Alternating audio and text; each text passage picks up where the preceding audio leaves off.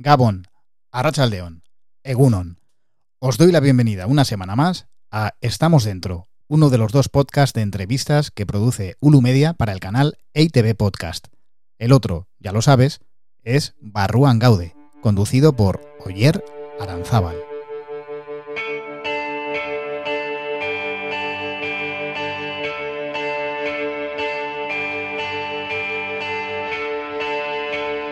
El de hoy será un episodio en dos actos, pero tranquilidad, el primero es breve y además tiene un punto tragicómico.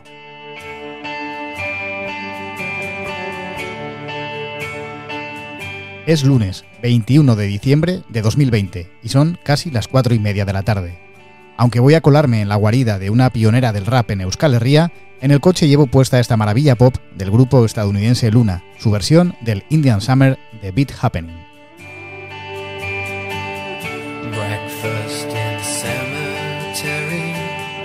Mi anfitriona vive en mitad del monte, en Echevarri, Vizcaya, y a la altura del cementerio, cuando faltan dos minutos para llegar, el GPS me tiende una emboscada y me lleva por el camino equivocado.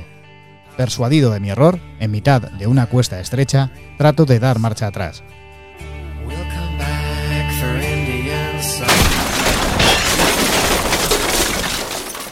En realidad, no estoy seguro de si la música dejó de sonar, pero la he quitado porque refleja bien el susto que supone precipitarse por un terraplén e impactar contra un árbol que, menos mal, frenó mi caída. Ello impidió que el coche diera una vuelta de campana y las consecuencias fueran aún peores. El efecto sonoro que he utilizado, eso sí, se asemeja bastante al estruendo real del accidente.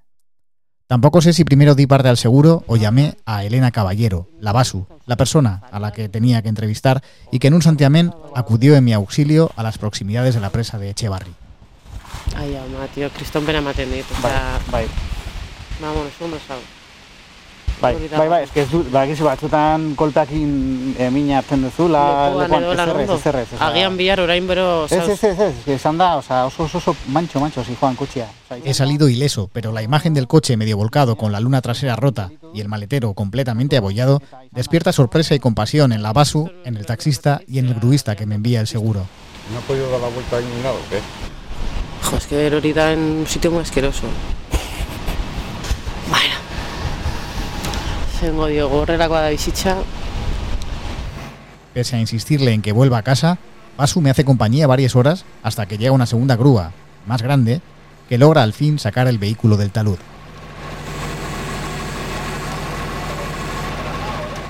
La noche cae sobre la presa y, lógicamente, la entrevista tiene que esperar a otro día.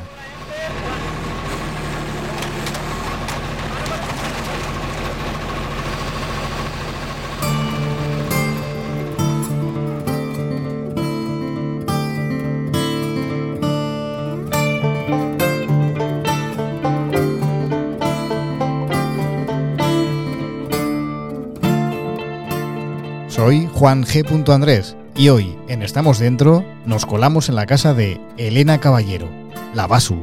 No te, voy a, no te voy engañar, no es fácil ser una mujer haciendo rap en Euskal Herria. Nosotros no sonamos en las radios. Nosotros, nosotros no nos invitan a tocar a, a sitios que, donde toca toda la Euskal música. Siempre nos quedamos fuera. Y es como la música nueva, que llevamos haciendo 20 años rap en Euskal Herria. Lo que pasa que como nunca hemos dado dinero nos ha interesado, pero siempre hemos hecho rap y seguiremos haciendo rap, pase lo que pase.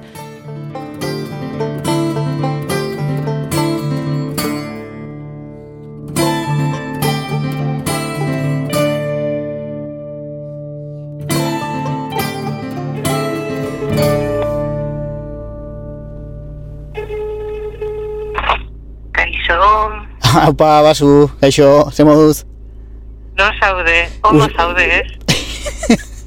Bai, uste du baietz, eta uste dute zure, zure etxetik gertu nabiela ja. El segundo acto de este episodio acontece cuatro meses después, a finales de abril. Nos ha costado cuadrar una fecha, pero tengo ganas de conocer más tranquilamente a la persona que resultó tan empática el día del accidente. Venga. Agur. Tu destino está a la derecha. Me recibe en el acceso a su casa, en plena naturaleza, con unas vistas preciosas a los montes de la zona y a pocos kilómetros del núcleo urbano de Echevarri, su pueblo de toda la vida. Ondo. Bai, bai, bai. El luzea, ese el luzea. Eh, orain ukondo eman behar diogu elkarri edo. Jo, eskerrik asko, eh? eh, Itxoin izanagatik eta... Jo, ze, ze leku polita. Bai, Hostia, sobre polita, polita, lekua bai, etxea ez, baina bueno. Jode, eh? Ongi etorria. Bai. Eta ni. Antaño, la casa tuvo otros usos, digamos comerciales, pero en la actualidad es el lugar donde vive y crea sus canciones esta artista que lleva desde finales de los años 90 enarbolando la bandera del rap en Euskal Herria. Que tenemos que hacer en castellano, además. Ah, ez Se me está- está. Se me está yendo Ah, la vale, olla. vale. Ni kriston nora daukat. Orduan, claro. ¿Tienes perro o animales? Pues es que, te- te- o sea, cuando, cuando venía hacia aquí te he visualizado eh, paseando con, con algún animalillo por ahí por el monte, porque hay unos caminos... Ba, neukan, eh, bai, bai, txakurra neukan, eta oioak eta dena, baina kendu ditut. Buf! Grita, grita. lan gehiegi. Hemen basu, ah, basurdeak daude hemen. Ah, bai? Bai. Baina ikusi dituzu noiz bai? Hombre, claro. hemen beste gunean utzi nuen, hemen ez dau zaborra botatzeko. Orduan, ba, usten dut hemen, eta astu zitzaidan, ba, itzuli nintzenean, teniak un kristo. Las cosas de vivir en el, en el monte. Los jabalís y los corzos. También corzos. Los corzos me, me comen las lechugas. Estoy hasta los cojones, te lo digo. Hemos vallado por eso, pero da igual. Y sí, son súper rápidos los tíos. Sí, hay, bueno, hay un, hay un burro ahí arriba, ahí abajo hay unas cabras, yo qué sé. Pues aquí las cosas. Vida de. No ves la huerta. ¿no? Tengo un río que Sí, baja por ahí. Ah, mira. Detrás de esos árboles hay un río que baja a la presa. A la presa en la que me estrellé, ¿no? Sí. sí. Vale, A vale. esa, a esa. Que no se te va a olvidar en la puñetera No, vida. no. ¿Cómo, ¿Cómo se llama, por cierto? ¿La presa? Sí. Ay, Sakit. La presa de San Antonio. Oh, pero qué guay esto. Esto es una maravilla. Bada. Bai, ni ez, du, ez daukat telebista, ez daukat... Ez dut behar. Ja nire bizitzaia lokura bat da berez, así que ni hemen ondo. Ni gozaltzen dut hemen, lasai lasai, ez nago inor ikusten. Nire baratxa, ber, hemen neguan hotxa, eh, hotxa egiten dau. Ya. Aurten elurra egin dau. Baina, bueno, Pero, jo, esta Eta música, le- le- le- etxean. levantarte con esta música, con esta banda sonora bueno celestial... de- bostetan, seiretan ez dira hain politak, eh? Rabeak egiten dituzte txoriak hemen. Se montan unos fiestores que flipas, eta gaur ez da ikusten. Baina hor ikusten duzu pagasarria, ikusten duzu ganeko gorta eta guztia. Ja, gaur dago lainoz beteta, baina... Eta yo nire patxarana, soy feliz. Ni ez dut behar... Katal- Kapitalismo hori kanpo. El día del accidente le comenté lo curioso que me resultaba ver a una rapera en un entorno tan bucólico y en principio alejado de ese mundo. Vuelvo a preguntárselo y me responde algo parecido. Es que, ¿qué es un, sitio para el rap? ¿Qué tiene que ser? ¿Vivir ahí en, medio del, caos? ¿no? Todo lleno de grafitis, todo, ¿no? Es lo que la gente eh, asocia un poco a eso, ¿no? Eh, pues no sé, yo seré la rara, la rara que quiere vivir en libertad. No, no, yo, no, yo escapo del, del pueblo, de ahí de la ciudad. Yo soy de pueblo, yo la ciudad no la quiero para nada. Eh, Para nada para ir a trabajar cuando hay que ir y, y poco más. No sé, igual es que vine a romper un poco las normas en todos los sentidos. no lo sé, no. Bueno, pues eh, ahora hablamos. Eh, no sé si pasar dentro o aquí fuera estamos a gusto también, ¿eh? No... Yo me da igual. Sí, Yo porque tengo pues- calor. Venga, pues lo voy a instalar aquí todo el, Venga, vale. la maquinaria. En una mesa de piedra que podría ser la de cualquier merendero vasco, iniciamos la conversación. O eso creía yo, hasta que varios minutos después reparo en otro pequeño accidente. No he encendido la grabadora. Rap aquí, Caria Rap. Hostia, perdona, Basu. No estamos grabando. No estamos grabando. Qué bien que me haya dado cuenta ahora. O sea, Tú y yo tenemos un... no, tuyo no, soy yo. O sea, tú imagínate que- que me monto en el. En el Y no hemos grabado y- nada. sí. Y ahora sí, a la tercera va la vencida. ¿eh? Y esta entrevista, que parecía resistirse a tener lugar, comienza. Bueno, pues con este coro de pájaros que escuchamos de fondo en la terraza de la casa de, de Basu o de Elena, no sé cómo llamarte. Vamos a empezar la charla.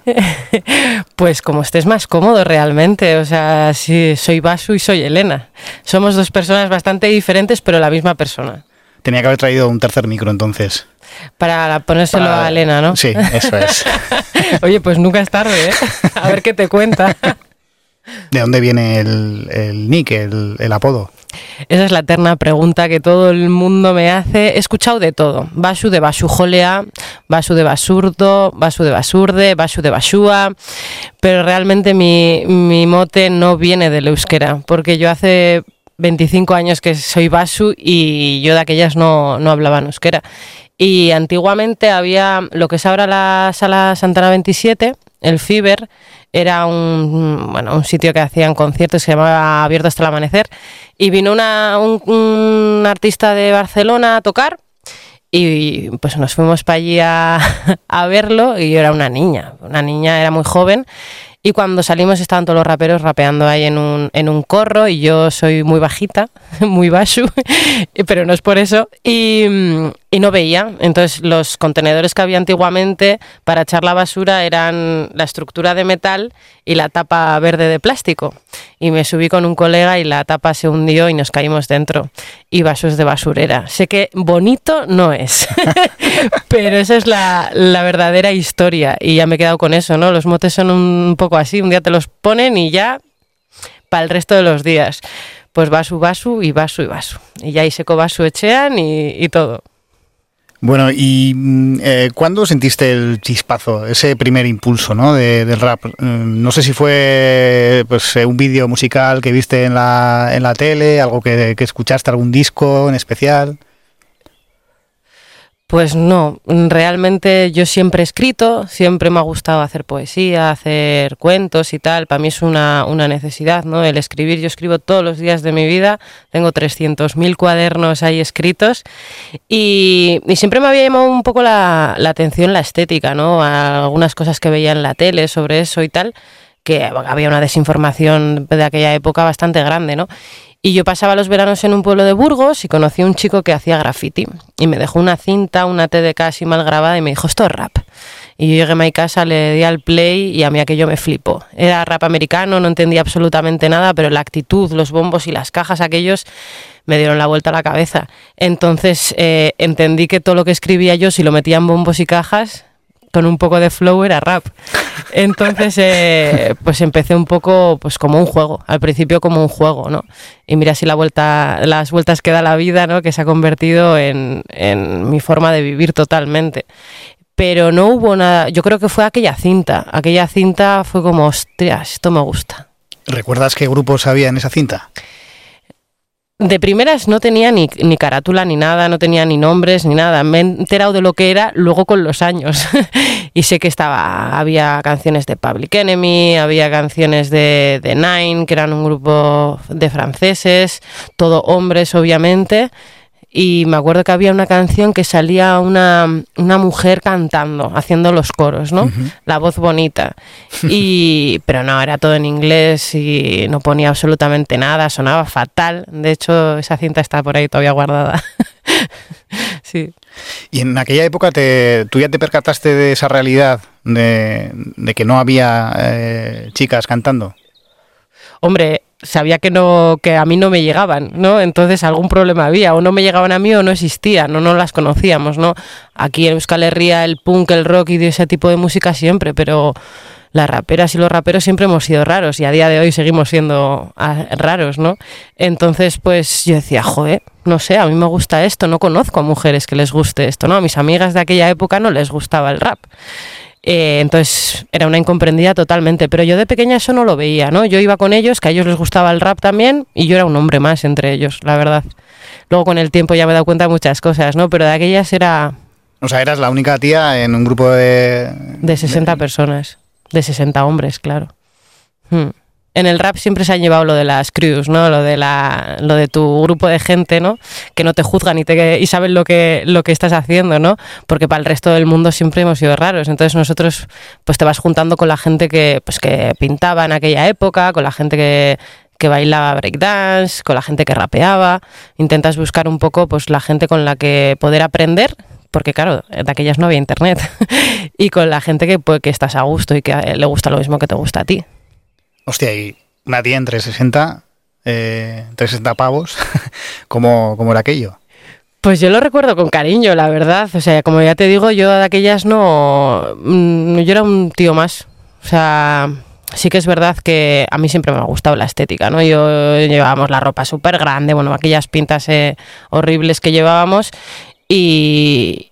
Y yo rapeaba igual que ellos, todo, todo. Pues eh, es que no sabíamos, no sabíamos ni diferenciar lo que era ni el hip hop, ni el rap, ni nada. Aquí llegaban cuatro cintas y búscate la vida, y cuatro fanzines en blanco y negro, y de ahí en adelante, ¿no? Pues tú sobrevive.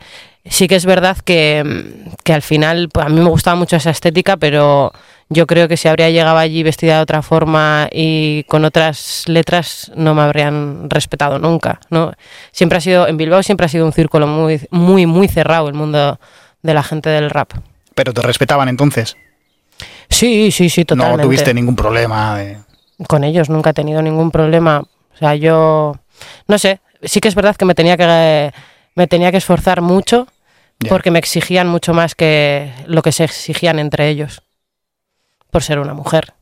Pero todo eso yo lo he visto después, ¿eh? en el momento no. Yo llegaba allí con una canción nueva y yo rapeaba igual que, que todos, ¿no? Y sí que es verdad que cuando igual salíamos más de nuestro círculo, ¿no? Y nos encontrábamos con otros raperos y tal, pues había micros libres que se dejaban después de los conciertos y siempre me daban el micrófono la primera, ¿sabes? A ver qué sabes hacer. No tenía que hacer la cola y estaba muy guay, pero era todo el rato ponerme a prueba, a ver si yo iba pasando lo que tenía que pasar, ¿no? Eh, a ver si lo hacía bien o no. Pero por otro lado, no sé, es que yo de pequeña era una poco bala perdida, ¿no? Ahora lo pienso y digo, madre mía, yo allí con todos aquellos, ¿no? Pero bueno, yo era feliz. Yo andaba con gente que le gustaba lo que me gustaba a mí. No, no miraba. Yo quería hacer rap. Me daba igual con quién. Y si no era con ellos, no era con nadie. Y en ese momento llega un instante en el que tú, bueno, pues eh, no sé si te das cuenta de la situación y dices, bueno, esto podemos hacerlo también entre, entre más tías, ¿no? Y, montas Jungla Urbana, que es el, el primer grupo de, de rap eh, femenino de, de Euskadi, ¿no? Hace eso, El 20 primero y el último, porque no ha habido más. Eh, sí, yo de repente, pues ya con, con un par de añitos más, dije, joder, yo les veía, ¿no? Ellos tenían sus grupos y tal, y yo siempre me quedaba afuera porque era una chica.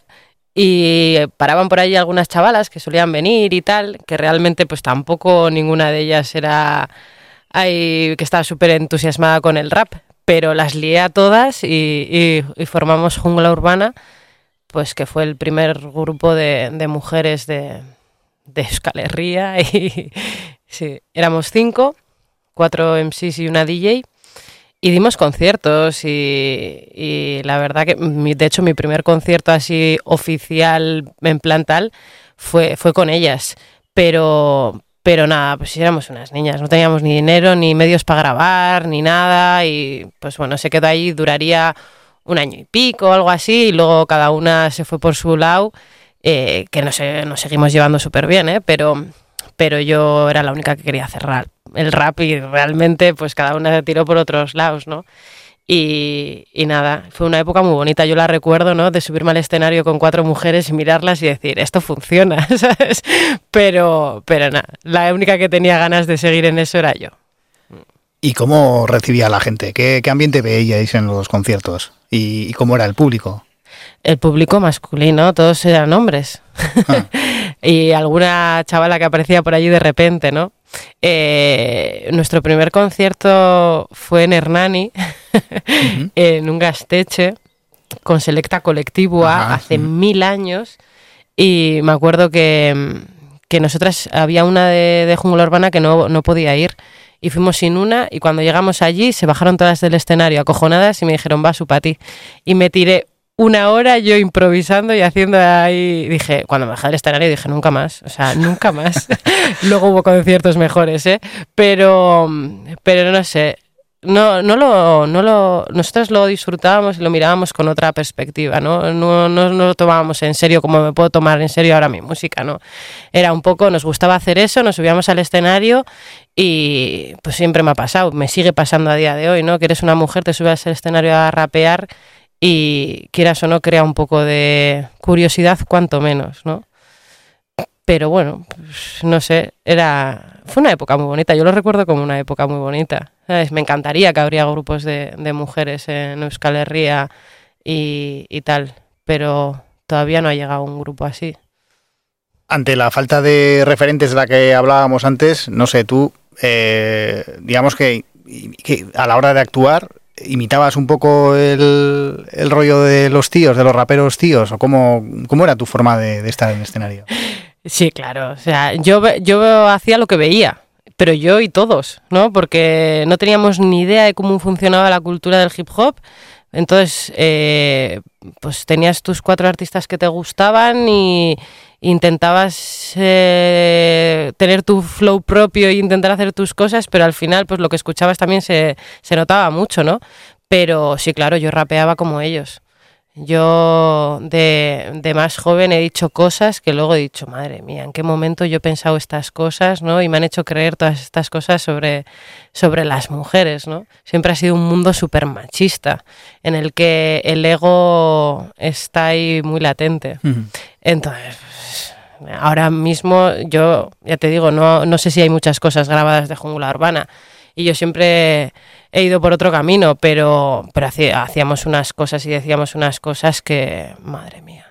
Sí, pues lo que escuchabas, nos pensábamos que esto era el Bronx, sin darnos cuenta que esto es Euskal Herria y que se viven otras, otras circunstancias, ¿no? Pero yo creo que es problema de la desinformación. No sabías, entonces intentabas sobrevivir como podías. ¿Y cuándo encuentras tu, bueno, tu voz propia, ¿no? Cuando empiezas a ser ya la Basu, eh, una cantante de rap que, que- que escribe desde, desde su yo más profundo sin tener que fijarse en cómo lo hacen otros que además son hombres.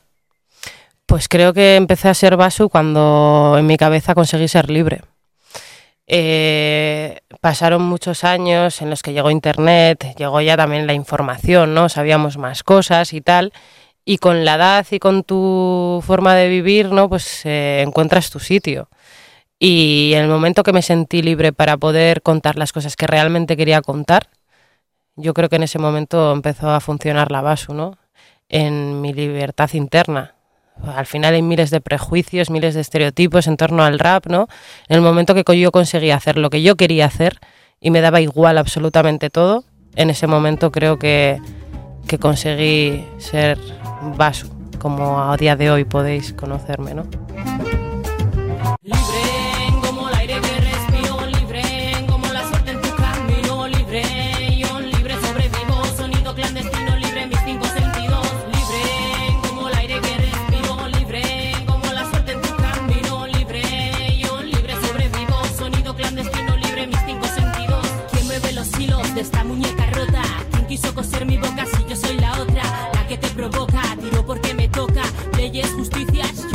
Vivo a mi manera, yo sálvese quien pueda, el ruido de la calle, guerrilla callejera, rompe tus cadenas sin, sin mirar fronteras, seguiremos en lucha, quieras o no quieras, cuidado con las fieras, que tenemos hambre, la vida en el alambre, aviso, correrá la sangre, ¿quién es el culpable de este puto sistema? A la quema, quema, suena la sirena, En un tiempo en el que otros estilos como el rock o el punk hacían mejor fortuna, ella se decantó por el rap, y ahí sigue, contra viento y marea, desde los tiempos de jungla urbana y luego ya en solitario, desde su primer disco, Aire es Vida, publicado en 2016 y que incluía este elocuente Quiero ser libre. Claro, yo siempre he hecho rap y lo voy a seguir haciendo hasta el día que me muera, pues si es que al final es lo que soy, no, no hay otra... Y al final te cansas mucho, ¿no? De tener que estar justificando todo el rato, ¿no? Porque, jo, y una mujer y el rap y Euskal Herria y euskera en castellano. Dejar a que la gente sea libre para hacer lo que quiera hacer, de la manera que quiera hacerla, ¿no? Ya está, no pasa absolutamente nada. Cuando grabamos Aires Vida, que fue como el primer disco, yo lo grabé sin pretensión de nada, o sea, yo me debía a mí y a mi familia y a mis cuatro colegas de siempre un disco, ¿no? Que siempre me habían dicho, Basu, graba algo, no sé qué, y nunca lo había grabado. Y ya te digo, o sea, lo, lo, hicime- lo hicimos de la manera más. Pues yo creo que al principio hicimos 100 copias o una cosa así. O sea, yo quería tener un disco, pues como todo artista, ¿no? Siempre quiere tener ahí su, su trabajo editado. Y se nos fue de las manos. se nos fue de las manos totalmente, creo que se vendieron 7000. Eh, fue una locura. En, ese primer eh, disco hay un tema en el que dices no busco ser amable, ¿no? Eh, ¿cómo, definirías tu, tu, rap? Eh, no sé, yo intuyo que partes, y algo se ha, esbozado en la conversación hasta ahora, partes siempre de tu propia experiencia, ¿no? No haces, digamos, no haces demasiada ficción, sino que hablas de, de tus cosas y No, yo siempre he escrito sobre las cosas que conozco. No me gusta hablar de las cosas que desconozco, ¿no? Porque entonces no sería real lo que estoy contando. Pues al final hablo mucho sobre mi vida, sobre lo que me rodea y lo que me preocupa. Eh, creo que vivimos en un sistema de mierda en el que hay que cambiar muchas cosas y, y desde mi punto de vista y desde mi lucha en el rap es poder cambiar por lo menos un poco, ¿no? O que, o que, o que la gente entienda cosas que a lo mejor no, no ha conseguido llegar a, a entender, ¿no? Y yo al principio escribía, claro, que tampoco yo quería sacar nada así como muy loco, ¿no? Y, y decía, joder. Y claro, luego me he dado cuenta que es que hay mucha gente que piensa igual que yo. Y eso fue una sorpresa realmente, ¿no? Porque cuando tú haces música y creas empatía con gente, ¿no? Que te vienen y te dicen, ostras, ¿sabes? Yo pienso lo mismo y dices, bueno, pues igual tampoco estoy tan loca. ¿no? Igual hay gente que, que necesitaba, ¿no? Que, que apareciera alguien que diría estas cosas así, sí, con toda la crudeza del mundo. No busco ser amable, es que es verdad, no busco ser amable. ¿no? Tiene, todo el mundo tiene su, su forma de ser y yo soy lo que soy, ¿sabes? Pues a veces soy amable, a veces no, pues como todo el mundo, ¿no? Y me hace gracia la gente cuando viene y te dice, no, es que yo sé cómo eres, porque escucho tu música. Una cosa es que escuches mi música, otra, otra cosa es que sepas cómo soy yo realmente, ¿no? Porque también como artista hay muchas cosas que tampoco se cuentan, ¿no? O sea, es como el mundo del Instagram, las redes sociales, ¿no? Todo lo que contamos realmente es una vida de ensueño súper bonito. Cuando tú estás llorando en tu casa no te sacas una foto, ¿no? Entonces, pues... eh, no busco ser amable, sí, es una gran frase, la verdad. es una gran frase. Y hablas de la gente que coincide con lo que tú expresas en las canciones. ¿Y qué, ocurre con gente eh, a la que igual mm, cuesta más llegar? Y, y tú misma has planteado ese, ese, ese dilema ¿no? de intentar hacer música o rap eh, con la esperanza, eh, no sé si a veces igual un poco ilusa, de, de poder cambiar algunas cosas, no cambiar algunos pensamientos, algunas inercias. No sé si cómo lo vives tú. Yo realmente siempre he hecho música para mí, ¿eh? para intentar cambiarme yo. Que luego he conseguido empatizar con gente, me parece perfecto, o sea, soy súper feliz por esa parte. Pero siempre he hecho música desde mi perspectiva para contar las cosas que me preocupan a mí. Entonces, darte cuenta de que hay gente que, que escucha estas cosas y que, y que eso yo siempre he tenido, en, mis, en las primeras líneas de mis conciertos, siempre he tenido hombres mirándome a ver qué hostias hacía. Y ahora tengo mujeres bailando. Entonces yo soy feliz. ¿Sabes? Para mí que... Y también pues eh, el purismo del hip hop, por así decirlo, ha hecho mucho daño, ¿no? Era como los cuatro elementos, no te puedes salir de aquí, no puedes hacer otra cosa, ¿no? Y yo era muy purista, muy purista porque era lo que, lo que llegaba aquí, lo que te decían, ¿no? Entonces tú creías firmemente en eso. Rap en euskera no, no se puede eh, mm, fusionar el rap con otros estilos de música porque entonces ya deja de ser. Bueno, todas estas mierdas que nos metieron en la cabeza en su momento, eh, pues yo creo que me las he cargado un poco, ¿no? Pues dije, pues ahora me Con- apetece hacer. Con temas como salseo o, o pacharán pachas, ¿no? Que Sí, son que son cosas que, que yo soy así, ¿sabes? No deja ser un bombo y una caja y no dejo de rapear. Otra cosa es que yo soy feliz eh, eh, viendo en los conciertos a la gente bailar, ¿sabes? Estoy harta de ver a la gente mover el cuello, ¿sabes? Que está muy bien, yo soy muy purista, me encanta el, bombo y caja de toda la vida, sin más. Pero luego también me gusta disfrutar, ¿no? Y puncarrear, como digo yo, entonces, ¿por qué no? Pues va a seguir siendo rap toda la vida, mires por donde lo mires. Lo único que cambia es la melodía, ¿no? Y creo que, que hay formas y formas de decir el mensaje. Y pues, yo qué sé, la canción de Salseo, por ejemplo, eh, mi padre es hijo de cubanos y era una canción muy enfocada a eso, ¿no? O sea, al final yo sé lo que soy, sé dónde vengo. Entonces me apetecía hacer una canción así y ¿por qué no? Hab- Habrá mucha gente que no entienda, ¿no? Porque de repente vienes de un traca-matraca y te haces un salseo. Pues porque soy libre para hacerlo. Baila. pasito a pasito, despacito, que lo traigo calentito. Te invito a mi Guantanamera. Sigo en pie de guerra y a mí nadie me frena. Que me hice fuerte y a golpe de cadera. Pum, pum, pam, pam, pum. Puro derroche, pura actitud. Enciende las velas, dale candela. Menea, menea, menea. Quieras o no quieras, hoy se salsea. Cuidado con la fiera, salí de la perrera. Vengo sin correa y vengo sin bozal. Escupo realidades por si quieres escuchar. Su siguiente disco, Guerra, editado en 2019, se incluía este salseo sabrosón y crecía el número de temas en euskera, el idioma que desde entonces ha priorizado en sus composiciones. Realmente yo cuando era pequeña, cuando era joven, tenía un par de canciones en euskera, pero es que con toda la gente que yo me juntaba, nadie sabía euskera. Hacer rap en euskera en esa época era ni de coña. ¿Sabes? La música esa que se hace en euskera, esa música que viene de fuera, ¿cómo vas a hacer en euskera? Nos vendían el discurso ese y se lo comprábamos totalmente. No había grupos, solo estaban Selecta Colectivo A y estaban Mac por ahí. O Negu también metía cosas, ¿no? De, Ahí podíamos tener un discursito ¿eh? sobre Negu y el rap.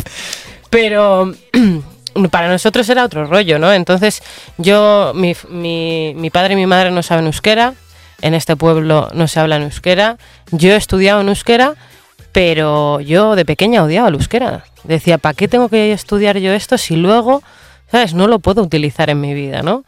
Y yo creo que cuando te imponen que tienes que aprender y tienes que hablarlo y no sé qué y no sé cuál, yo era súper rebelde, pues no me da la gana. ¿sabes? Entonces, pues claro, yo estaba hablar, sin hablar 15 años. ¿Y qué pasa en 15 años si no hablas en euskera? Pues que se olvida. Y, escribiendo Aires Vida, eh, dije, joe, ¿no hay mujeres haciendo rap en euskera? Igual hay que demostrarle al mundo que las mujeres también podemos hacer rap en euskera, ¿no?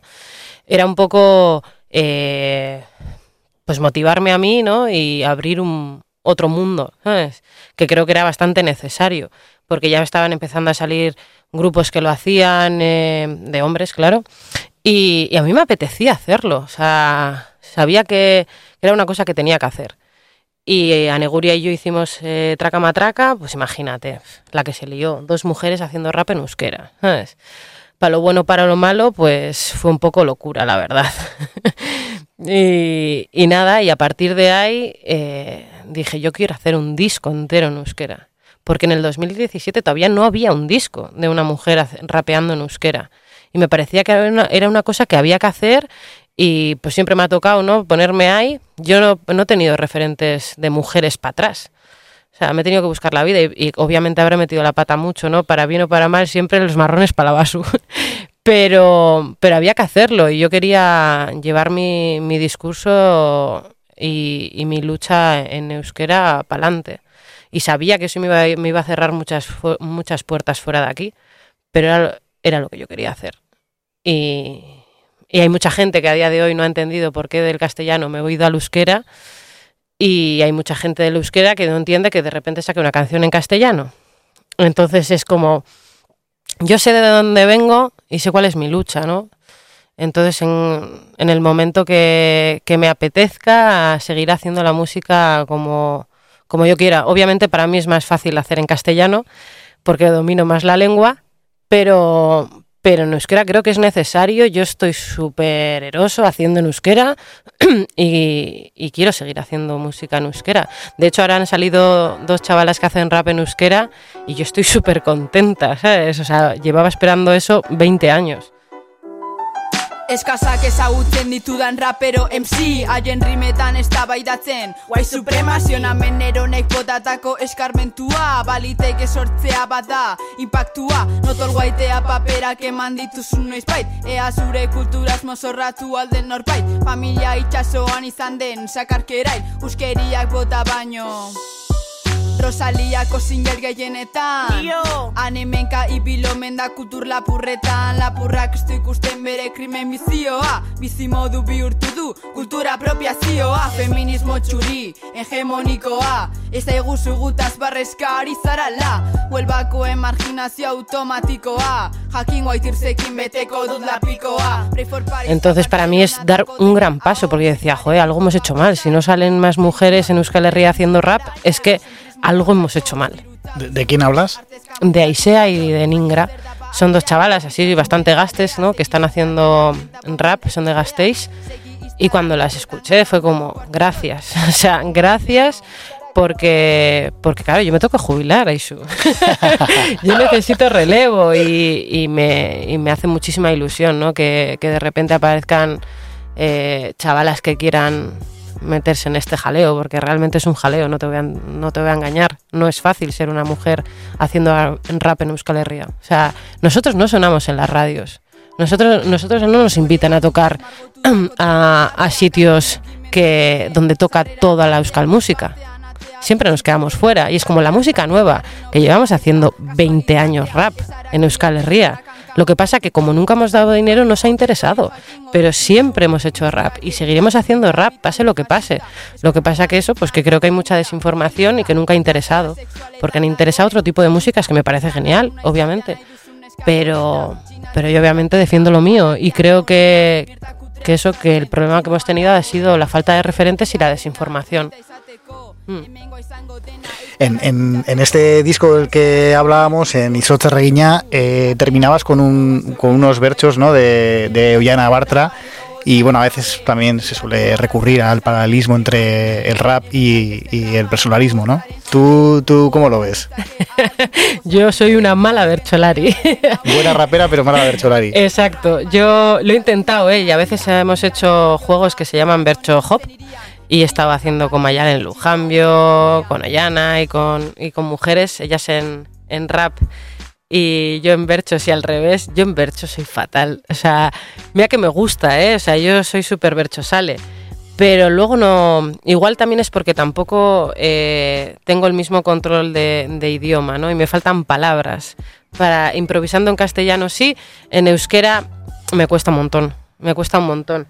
Y además que, bueno, yo, yo las escucho y flipo 30.000. Pero ves, también en, en la bercholaricha, ¿no? Nos ha pasado un poco eso, que siempre ha sido un mundo de hombres y de repente, ¿sabes? La chapel que te la gana una mujer, ¿no? Y le da la vuelta a todo el mundo de, ostras, ¿por qué no? Pues si es que es buena, ya está. Entonces, pues sí, tenemos muchas cosas en común. A ver, sí que es verdad que en, el, en la bercholaricha es todo como muy cuadrado, ¿no? Y tiene que ser así. Y en el Todo- rap, todo medido. Sí, en el rap con un poco de flow puedes jugar más. Pero sí, a mí me encanta, yo soy súper berchosale y voy a las chapelquetas a verlos y todo, pero no, no es mi sitio, no... Pues te iba a pedir que improvisaras un... Bueno, o, una ri- o- Olvídate. o unas rimas. Lo siento, es que, ¿sabes lo que pasa? Que al final eh, me hace mucha gracia, ¿no? Porque cuando vas por los sitios y tal, ah, no sé qué, yo hago música. A ver, ¿tú eres albañil? ¿Te digo yo que pongas un ladrillo? Pues no, ¿no? Es como... eh, lo, de, lo del rapear, ah, pues como vosotras improvisáis y hacéis cualquier cosa, pues vota, ¿no? Es- creo que he llegado a un punto que es como no me apetece. eh. Tener que estar demostrando todo el rato que lo sabes hacer. eh. Me da bastante... mm, Y al- igual también es porque tengo un trauma de que siempre he tenido que estar demostrando todo el rato y ya llega un punto que es como, ya no tengo que demostrar nada.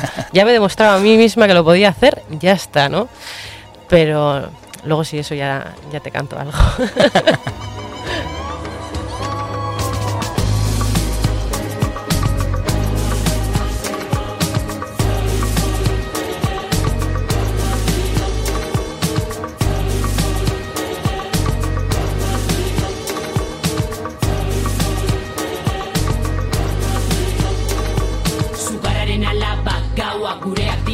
Sua piztu berpiztu zuen arima Gerlariak prez, emakume zorginak Entzun dadila gure oiuen grina Barbar, gure pozoin zikinak Barbar, gure gorputz gordinak Gogor, askatu matila Zutara bota zuen oroipeniak Errezen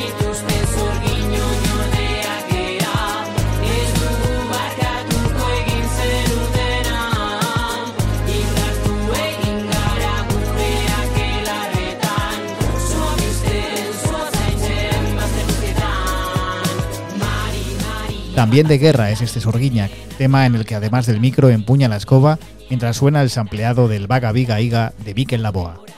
Me lo puedo imaginar, pero dime por qué utilizas esta imagen de la bruja. porque lo somos.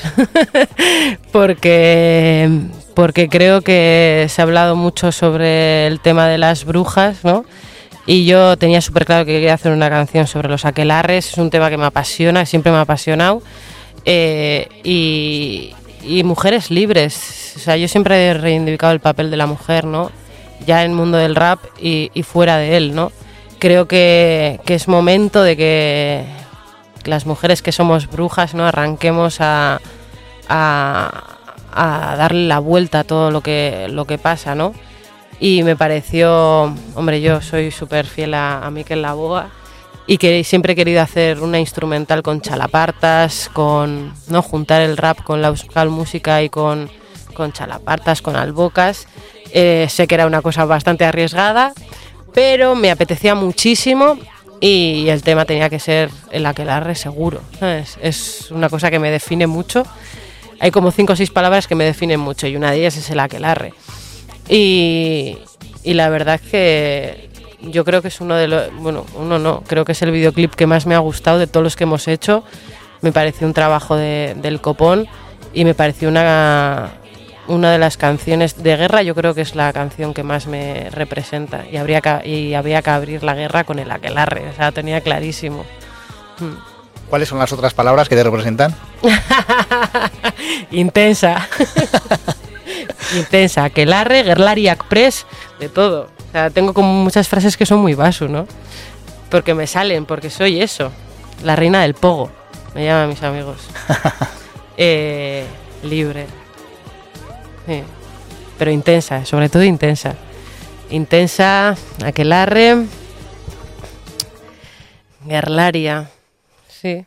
Son muy palabras que van muy vinculadas a mí, que he ido ahí recopilando con los años y se repiten una y otra vez en mis canciones, en mi vida y en mi forma de ser. Mm. Me he tenido que hacer fuerte. Tienes otros himnos en, en ese, en ese disco como Yo te creo, que remite a, a- al, al Michu. En eh, Isan Suseu, uno de tus singles eh, recientes, también reivindicas la diversidad de género, o la diversidad Sí, eso sexual. lo, lo hicimos para el sexo bulegua, para el día de, del LGTBI. Y me pidieron hacer una canción y esa canción, o sea, aunque no está dentro de ningún trabajo mío, es una, una canción que me pidieron hacer y la verdad que, que fue todo un lujazo hacerla y luego eh, además salió en plena pandemia y, y la, la fuimos a cantar el día de el día de, de todo el jaleo aquel. Y la verdad que súper chulo Mm.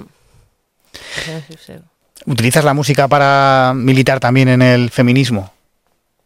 siempre yo mi música es militancia pura y dura si, si escuchas un poco lo que tal se me ve el plumero totalmente Eh, pero sí reivindico mi papel siendo mujer Hmm. Nunca he utilizado la palabra feminismo en mis letras, la verdad, porque yo cuando empecé a hacer rap yo no sabía lo que era el feminismo.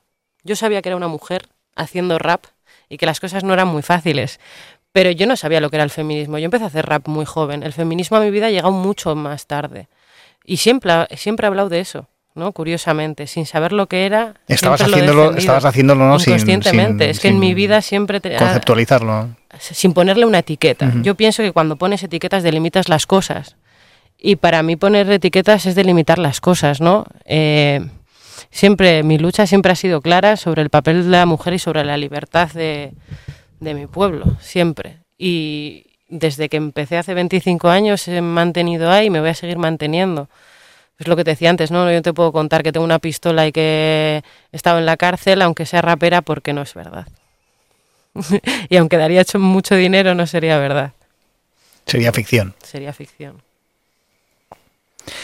¿Y qué te parecen modelos de, artistas eh, de esas músicas urbanas que decíamos ahora, como la Zowie o Bad Gyal, que para algunas personas son ejemplos de empoderamiento y para otras todo lo contrario, ¿no? Son como eh, cuestionadas por entrar en el juego machista de la cosificación de la mujer y tal. Yo no sé cómo lo ves tú. Yo creo que todo el mundo tiene que ser libre para hacer y decir lo que le dé la gana. Yo es una cosa, una música que no consumo. Eh, a mí, aunque sean mujeres, eh, pues hay muchos discursos que no comparto, pero, pero creo que también tienen que estar ahí. Creo que tienen que estar ahí porque creo que es interesante también el punto de vista de, de un montón de gente callada en ese sentido, ¿no? Entonces, pues no es una cosa que yo no haría, ¿no? Pero a, a nivel melódico ni a nivel letrista tampoco, pero creo que tienen que estar. Entonces, pues tampoco las he visto a ninguna de las dos en directo, aunque han estado por aquí, pero creo que son cosas que hacen falta. Ellas suelen decir que no hay nada más feminista que, que hacer lo que a una le dé la gana, ¿no? Sí, siendo mujer, si tú quieres hacer lo que quieres hacer, hazlo. ¿Sabes? Hazlo y ya está. Que nadie te diga, que no te haga creer que no puedes hacerlo. Entonces, si ellas se sienten cómodas haciendo eso, me parece perfecto. Es que, ¿quién soy yo para juzgar a nadie, no? Igual que tampoco quiero que me juzguen a mí, pues yo libertad total. Luego tú lo consumes o no, ¿no? Pero creo que tiene que haber diferentes mensajes, diferentes estilos de, de música y cada uno que, que asocie en donde esté cómoda. Espera, que. Porque puede aparecer aquí cualquier cosa, te lo digo. Este es mi libro de cuando los conciertos la gente escribe cosas. Ah, este mira. es el de guerra. Y la gente escribe. Ah, qué guay, eso como las exposiciones, ¿no? Que, mira, no había visto nunca eso en Cosas de mi hermana que puso ahí. Ah, pues está guay. Esto es un cofre con aspecto así de maleta vieja de viaje, muy vintage. Bueno, realmente aquí no tengo muchas cosas, ¿eh? pero todo lo... Este es el festival que yo hago, que el año pasado conseguimos traernos a Sadia Mansur, que es una rapera de Palestina, y desde hace como cuatro años traemos artistas internacionales y es un festival en todas las mujeres, todos los que se suben al escenario son mujeres. Buster Fest, Masterfest, ¿no? no, no ¿de ¿Dónde se hace? el Bilbo Rock, En Bilbo Rock. 6 de noviembre este año. Que lo vamos a hacer. Hombre, ya estaremos, eh, espero que casi todos vacunados. y No lo sé. Esto es cuando fuimos a, a Italia fuimos al Suns Festival, que es un festival de lenguas minoritarias, Ajá. y fuimos a representar a Euskal Herria y quedamos segundas, Anda. la verdad. Mis cuadernos, esto es del, lo diré, del Atlanticalia. Ah, de rentería, sí. Esto es del Festival de Vic, que fuimos también a O sea, tocar. guardas aquí todos los programas y Esto es- reliquias. Eh, hace tres, hace tres años me nombraron fiesta de carnavales de Bilbao, ¿Cómo? ¿Cómo? Fie- reina de carnavales de Bilbao. ¿Ah, sí? Aquí se hace zarambolas o farolín, que son como dos vividores muy míticos. Entonces todos los años el pueblo y las comparsas eligen una persona para que sea ese año. Y, y te, y te sacan presa del ayuntamiento en una jaula y te llevan al- a la plaza nueva y te hacen escarnio y eres o peligro, o sea, es, rudo, no es rugabe, ahí siempre sale ese rudo, claro. Y estuve nueve días allí, bueno, pues como la chupinera o algo así. Sí, sí, sí, ya lo pillo. Y fue muy guay porque al final lo elige el pueblo, ¿no? Entonces, pues, ostras, muy guay. No sé, es que no sé ni lo que puede haber aquí, te lo digo en serio, ¿eh? Cuadernos y cuadernos y cuadernos de letras, y más cuadernos. Mientras sigue mostrándome recuerdos de la vieja normalidad, Pasu me confiesa que como al resto de su gremio, la pandemia se le va haciendo cada vez más cuesta arriba. Sin el ritmo habitual de conciertos, la inspiración incluso llegó a faltarle durante un tiempo. Ya te digo que llegó un punto que no hemos escrito, o sea, yo no escribí nada, o sea, es que seguía escribiendo mis cosas y tal, pero canciones como tal para sacarlas no. Y y bueno, he conseguido hacerme tres o cuatro cosillas así bastante interesantes. Una vez, no sé, es que no sé si sacaremos un, un L- un EP, no tengo ni idea. No lo sé, no lo sé. Pero bueno, vamos a seguir haciendo rap, es que no... hay Eso otra. seguro. No hay otra. No hay otra. Yo no concibo una vida sin rap. Sin música en general, vaya. ¿Ensayas eh, aquí dentro de, de casa o lo haces fuera? No, aquí no me oye nadie, sino tus vecinos. Sí, pero ¿dóde lo haces? ¿Aquí dentro? ¿En, es- en esta habitación? ¿En la huerta? Que me sopla. Eso, eso Pues- te sale de... Yo creo que eso, es- si no lo piensas, te sale así de repente. A ver, luego ensayar con el grupo y tal, ensayamos en, en el local, ¿eh? Pero yo por aquí, cuando me tengo que aprender las canciones, que me las repito una y otra vez para acordarme luego, porque es que últimamente estoy viendo a, la- a los chavales jóvenes que suben al escenario Con el móvil. con el móvil a leer y digo, a ver, que nosotros no somos músicos, generalmente no sabemos tocar, ¿sabes? O sea, lo único que tenemos es nuestra letra. O sea, que ya subáis a leer, ya me parece ya, O sea, Lo he visto en algún concierto, vale. sí. Y para mí no todo vale. Eh, lo del autotune te lo puedo comprar, lo que quieras, pero apréndete tu letra, por favor.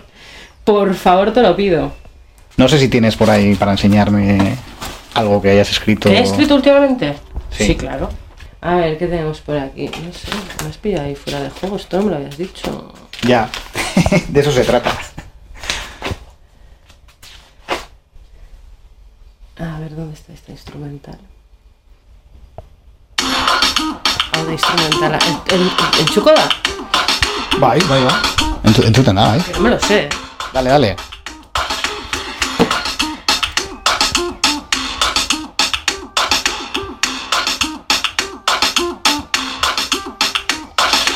Kontu, ze zapaldu garbitu dudana Daramat lanean urteak ta fama. Bosta zola, zuntxitu nituen zuen rolak. Indartu nintzen ez dakit nola. Erotasunean hartu nuen kontrola. Indartu nuen nire raparrokan rola. Ez duzue jarriko zalantzan nire lana nire rola. Inundik inura, iruki nuen gaiola Azkizateko, atxetik datorren aukera mateko Jaso ditut milaka zaplasteko. Hemen hau borrokan jarraitzeko. Nona nina, más Ya me he perdido. ¿No la dicen nada? ¿Cómo se llama este tema? Trapuzikinak dituko da. Trapuzikinak. Bai. Argita garbi gera dadian garbitzen ditu nire trapuzikinak. Hombre. Lanean gauz, galenean, lanean gauz. Bueno, en construcción, rap en construcción con la Basu en su casa de, de. Hombre, todo no. así de primeras no sale. eh. Y además últimamente me cuesta muchísimo escribir. Pues eh, a ver si pronto volvéis otra vez a la, a la carga y... Sí, por favor. Pasé, yo siempre digo, ¿no? Que para que la gente que somos demasiado creativos, ¿no? Que nos quitáis el, el salseo y la vida y nos matáis. O sea, así de claro. O sea, yo necesito mi vida, mi historieta, ¿sabes? Porque te sale la creatividad, la creatividad por los por las orejas, pero no la sabes Claro. gestionar. Es una locura. Pero bueno, Claro, pero eso- esa rutina al final que parece que estás ahí todos los fines de semana de bolos o no, que estás que más... luego yo me estoy todo el día quejando, ¿eh? No puedo con mi vida todo Ya, el día para aquí, para allá, pero- pero... me quitas eso Claro. ¿y qué hago? Centrarme en mi cabeza. Mal. Mal. Porque al final es como, ¿no? Yo estoy acostumbrada a estar todo el día para aquí, para allá, con no sé quién, con no sé cuál, que ti, que tal, que no sé qué, que no llego, que venga, pum. Y me quitas todo eso y es como, wow, qué de ruido, ¿no? En la cabeza. Mm. Claro. Pero bueno, supongo que en algún momento se acabará esta mierda, ¿no? Y cuando se acabe, a Elena le gustaría publicar su primer libro, Agnoia, en el que cuenta su historia y la del rap hecho por mujeres. de Tu vida, ¿no eres muy joven para escribir tu biografía, tu autobiografía? Soy muy joven, pero he vivido mucho, ¿eh? no, yo siempre, he querido te- yo siempre he querido escribir, siempre. Antes de hacer música siempre he querido escribir un libro y se llama Agnoia, que Agnoia mm, quiere, es una palabra de- que viene del griego que quiere decir la información de la desinformación y la desinformación de la información. Es decir, no tienes ni puñetera idea, ¿sabes? Y mm, creo que la historia del rap de las mujeres se ha contado muy pocas veces y de, un- de una y siempre que lo han contado lo han contado hombres a su manera. Entonces eh, yo llevo muchos años investigando sobre el tema. De hecho yo tengo un festival de, mujeres de rap. Eh, llevo muchos años interesándome por eso porque pues lo he vivido y me ha interesado mucho, ¿no? Y, y decidí hacer un libro, que el libro está hecho y todo, ¿eh? y, y cuenta pues mi historia eh, y mi vinculación luego al mundo de las mujeres y el rap, ¿no? Porque todo el mundo se piensa que, que el rap, el mundo, el día, el- la palabra hip hop, ¿no? Salió ahí del, de- del Bronx, ahí de una fiesta de rap, de, del cool hair rap, pero la fiesta esa la organizó su hermana y de eso nos ha hablado, ¿no? Pues todas esas cosas que a mí me han interesado mucho y todos los sellos de, de rap que los llevaban mujeres, ¿no? Pero que no eran visibles nunca.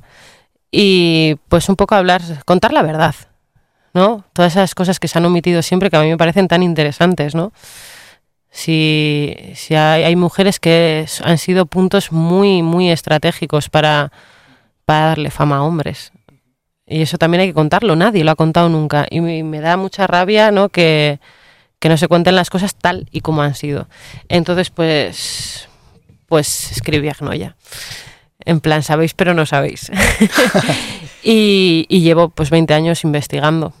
Y era el momento de sacarlo a la luz y que la gente sepa. ¿Y cuándo, lo vamos a, poder eh, leer? Pues la verdad que es que yo lo quería sacar este año, porque lo vamos a sacar en castellano y en euskera.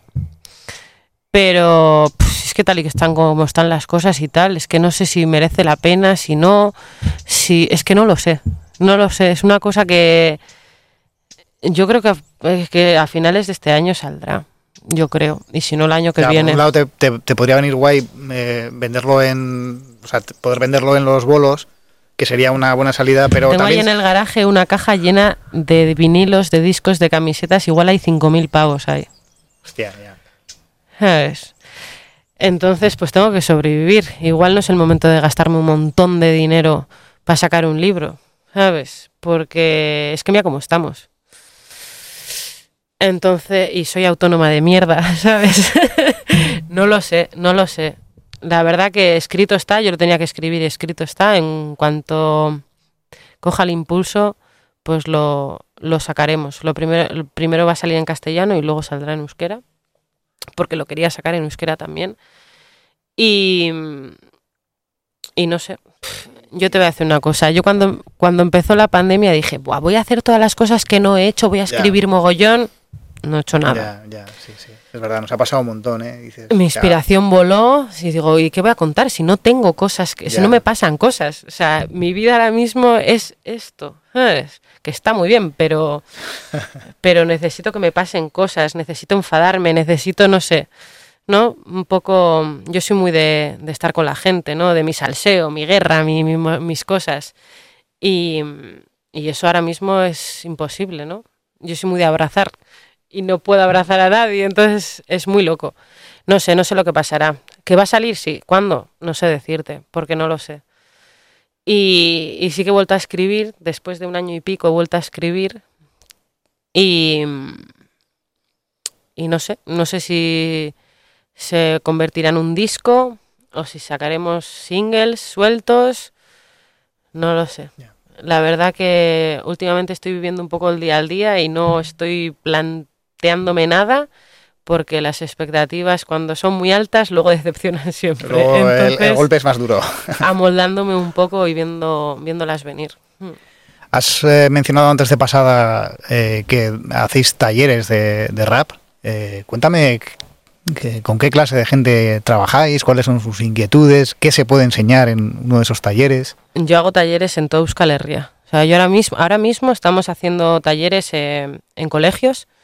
Yo empecé haciendo talleres con familias destructuradas, porque al final utilizan el rap como una forma de sacar las cosas de la cabeza, ¿no? Y de prestarle atención a ciertas cosas sin prestarle tanta atención, ¿no? Empecé un poco así y tal, que yo me acuerdo cuando me ofrecieron dar talleres, digo, ya, ¿cómo le explico yo a alguien, ¿no? qué es hacer rap si a mí me sale esto? Nunca me lo he planteado, ¿no? Pero bueno, con los años eh, empezamos a hacer talleres, eh, hacemos talleres generalmente en euskera, en coles, con gente joven. Eh, también he hecho talleres solo con mujeres y salen cosas muy interesantes. He hecho talleres en la cárcel, he hecho talleres de todo tipo, aparte de talleres de rap, también talleres de mujeres en la música. Y, yo aprendo muchísimo. Ellos aprenden, pero yo aprendo muchísimo. No me he dado cuenta que mm, en 10 años que yo llevo haciendo talleres, eh, las cosas han cambiado a peor, para mi punto de vista, ¿no? A mí siempre me pasa lo mismo. Yo llego a los talleres, con los adolescentes sobre todo, ¿eh? Los chavales son súper raperos porque ellos ven batallas de gallos, ¿no? Entonces ellos saben mazo del rap. Luego tú le preguntas cualquier cosa y ya se te han perdido, ¿no? Pero su actitud de primeras es muy ególatra, muy tal, ¿no? Y las chavalas son súper sumisas. Ellas como mujer me entienden perfectamente, pero luego no se atreven, ¿no? Y cuando escribimos, eh, generalmente las mujeres escriben mejor que los hombres, pero luego no se atreven a, a salir al escenario. Ellos escriben cuatro o cinco cosas y venga pa'lante, ¿no? Las mujeres igual pensamos demasiado, ¿no? Y, y es una eterna lucha. Y, y creo que viven todo el día en Internet. Y Internet es una buena herramienta si sabes utilizarlo, pero si no, creo que O sea, tienen tanta información que no se centran en absolutamente en nada, ¿no? Y viven en un mundo de números, ¿no? O sea, tú eres un buen artista si tienes 300.000 reproducciones y no sé cuántos mil seguidores. Si no, Los no lo eres. ¿no? La dictadura del Vive- like. Sí, entonces eh, creo que en eso lo estamos haciendo muy mal, ¿no? Porque creo que hay gente que se vuelve viral, viral por una tontería y, y ya está. Y no puedes medir el trabajo de los artistas mm, por likes. ¿Sabes? Para mí es una locura. Pero ellos viven en ese mundo, ¿no? Y, y creo que algo se está haciendo mal. Y creo que va de mal en peor, ¿no? Yo el otro día intenté apuntar a unas chavalas a, a un festival y me dijeron que si no tenían más de 10.000 seguidores no podían apuntarse. Y es como, wow, Eso te lo dijeron desde el festival. desde el festival. Claro. Y en Polonia. Y dices, vale, eh, nunca van a tener 10.000 seguidores si no le dais la oportunidad de tenerlos. ¿Sabes lo que te quiero decir? En un sitio que, que se compran los seguidores, que se paga, ¿no? El mierda capitalismo de, de las redes. No sé, yo ya te digo que la gente joven les veo, y encima con lo de la, la pandemia no le está ayudando nada. Nada en esto, porque están todavía más en internet y mirando su propio ombligo. Creo que tenemos un problema y no, no consumen cultura como tal. Es, es todo, venga, ver y ver y ver y ver, pero no me quedo con nada, ¿no? Y es, el otro día yo les explicaba que al final dicen, jo, es que eh, queremos más vídeos, más videoclips y tal, no sé qué. Joder, a mí hacer un videoclip me cuesta un dinero, un tiempo, un esfuerzo que en tres días ya es viejo. ¿Sabes? O sea, consumimos eh, la información a una rapidez que los artistas no, o sea, es que no somos incapaces de seguir el ritmo ese, pero ya de dinero y de, tiempo, de todo, o sea, es imposible. Y cuanto más das, más quieren. Entonces, pf, yo no sé, entre que no podemos tocar en directo, que no podemos dar conciertos y que todo se ha vuelto tan exigente, la cultura no estamos en la mejor de las épocas, la verdad, que nunca lo hemos estado, pero es que yo ahora creo que, que tenemos pro- un problema muy grande con, con la gente joven, ¿no? que les estamos enseñando mal. Por terminar con una nota igual un poco más positiva eh, y eh, enlazando con estos talleres que, que impartes tú en toda Euskal Herria, Pasu, eh, no sé si hay algún ejemplo que puedas contar eh, de, de personas que bueno han logrado, mm, gracias al, ra- al rap, salir de una situación difícil. Yo la primera. Tú la primera. Yo la primera. A mí el rap me ha sacado siempre de la mierda. Yo cuando estoy mal escribo, ¿sabes? Y, lo usamos como terapia yo creo que todas las personas que escribimos, ¿eh? No, y ya no solo en el rap. O sea, yo creo que, que para mucha gente es terapia pura y dura. Lo saco de la cabeza porque necesito sacarlo, ¿no? Y hay, mucha, hay muy gracioso porque hay una chavala de Barcelona que hace rap, Anier, que la entrevisté yo hace un par de años y me acuerdo que me decía, ella escribe muy, es muy melancólica, ¿no? Escribe muy, muy desde dentro. Y me decía, claro, es que luego me viene la gente después de los conciertos y me dice, jo, gracias porque tus canciones me han ayudado un montón. Ya, pero es que a vosotros os ayudan, pero yo sigo en la misma mierda, ¿no? y es totalmente así, es como, vale, yo escribo, lo saco, pero yo sigue estando ahí, ¿no? Y sí, sí que es verdad y, me alegro un montón de que cuando viene la gente y te dice, oye, pues tus canciones me han, en cierto momento, ¿no? Me han, me han ayudado o me lo he gozado un día de parranda, ¿sabes? Eh, bailando o lo que sea, pues obviamente pues es, es bonito, ¿no? En mi vida yo imaginé que subir a un escenario y que 10.000 personas podrían cantar una cosa que me he escrito yo en pijama aquí, ¿sabes lo que te quiero decir? Es muy loco, pero porque yo personalmente nunca lo he hecho con esa pretensión. Hay gente que, pues, oye, pues me voy a hacer esto, tal. Yo, si, si quisiera ganar dinero, sé perfectamente lo que tengo que hacer. ¿Sabes? Haría reggaetón o haría otro tipo de cosas mucho más vendibles. Yo sé cuál es mi papel, soy una mujer en Euskal Herria haciendo rap en euskera. Sé cuál es mi sitio.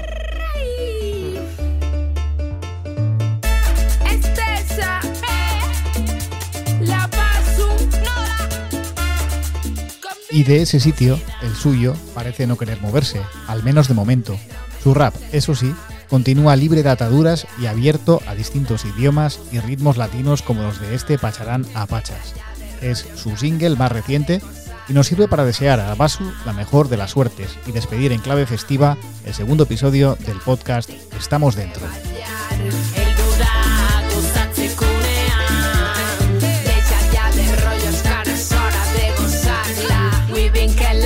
Passo, venim de borratxera. Tot el cor revolant i el cor com que se t'accelera. Un flow espacial i una merda de primera. Venies a molestar, millor pilla carretera. No tinc el chichi pa farolillos, tinc un estil assasillo. Mana la paso en usos chiquillos. Emane pa'l banquillo, son el nuevo bocadillo. Con illeta al sopar de sobaquillo. Mira que dos han entrado en el club. J Fuego, J Su, un rasgo en boogaloo. Flow se estire con boogaloo. Muévelo, mueve la cintura, muévelo. Body sabrosura, muévelo. Están bailando de Escalerría al país Valencia. Vaya, me echan la reballa. Que a punta de navalla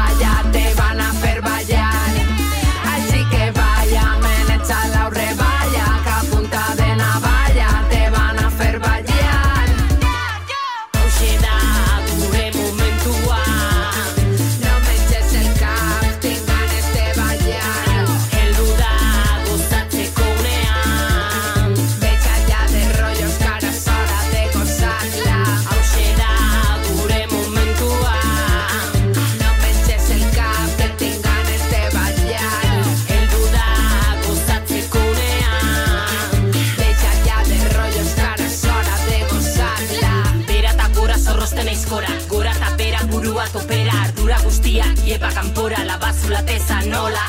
Beti jokoan lehenengo lerroan Kontu zibilik gaude zurondoan Bero beroa, dau giroa, erritmo eroa. Deskontrola, ozta sola, zuriritxia Ahoa hobetu mantendu itxia.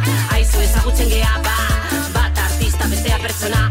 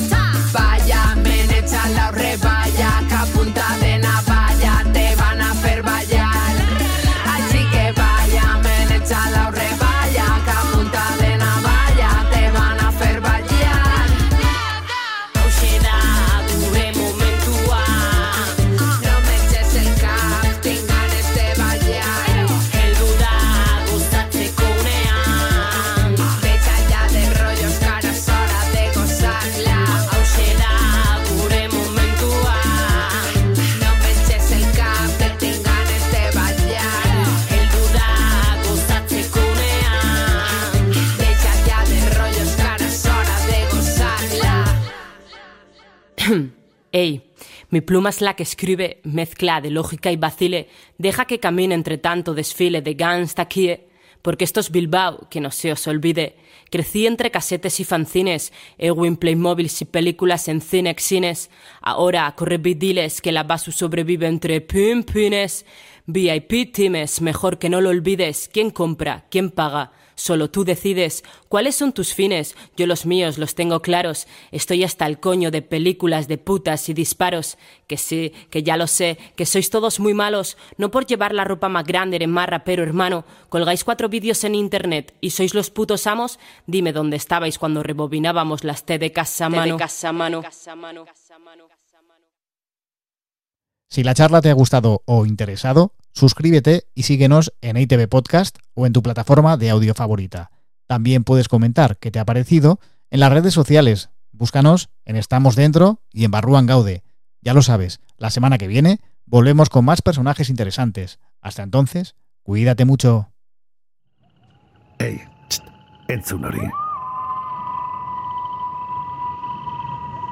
Media.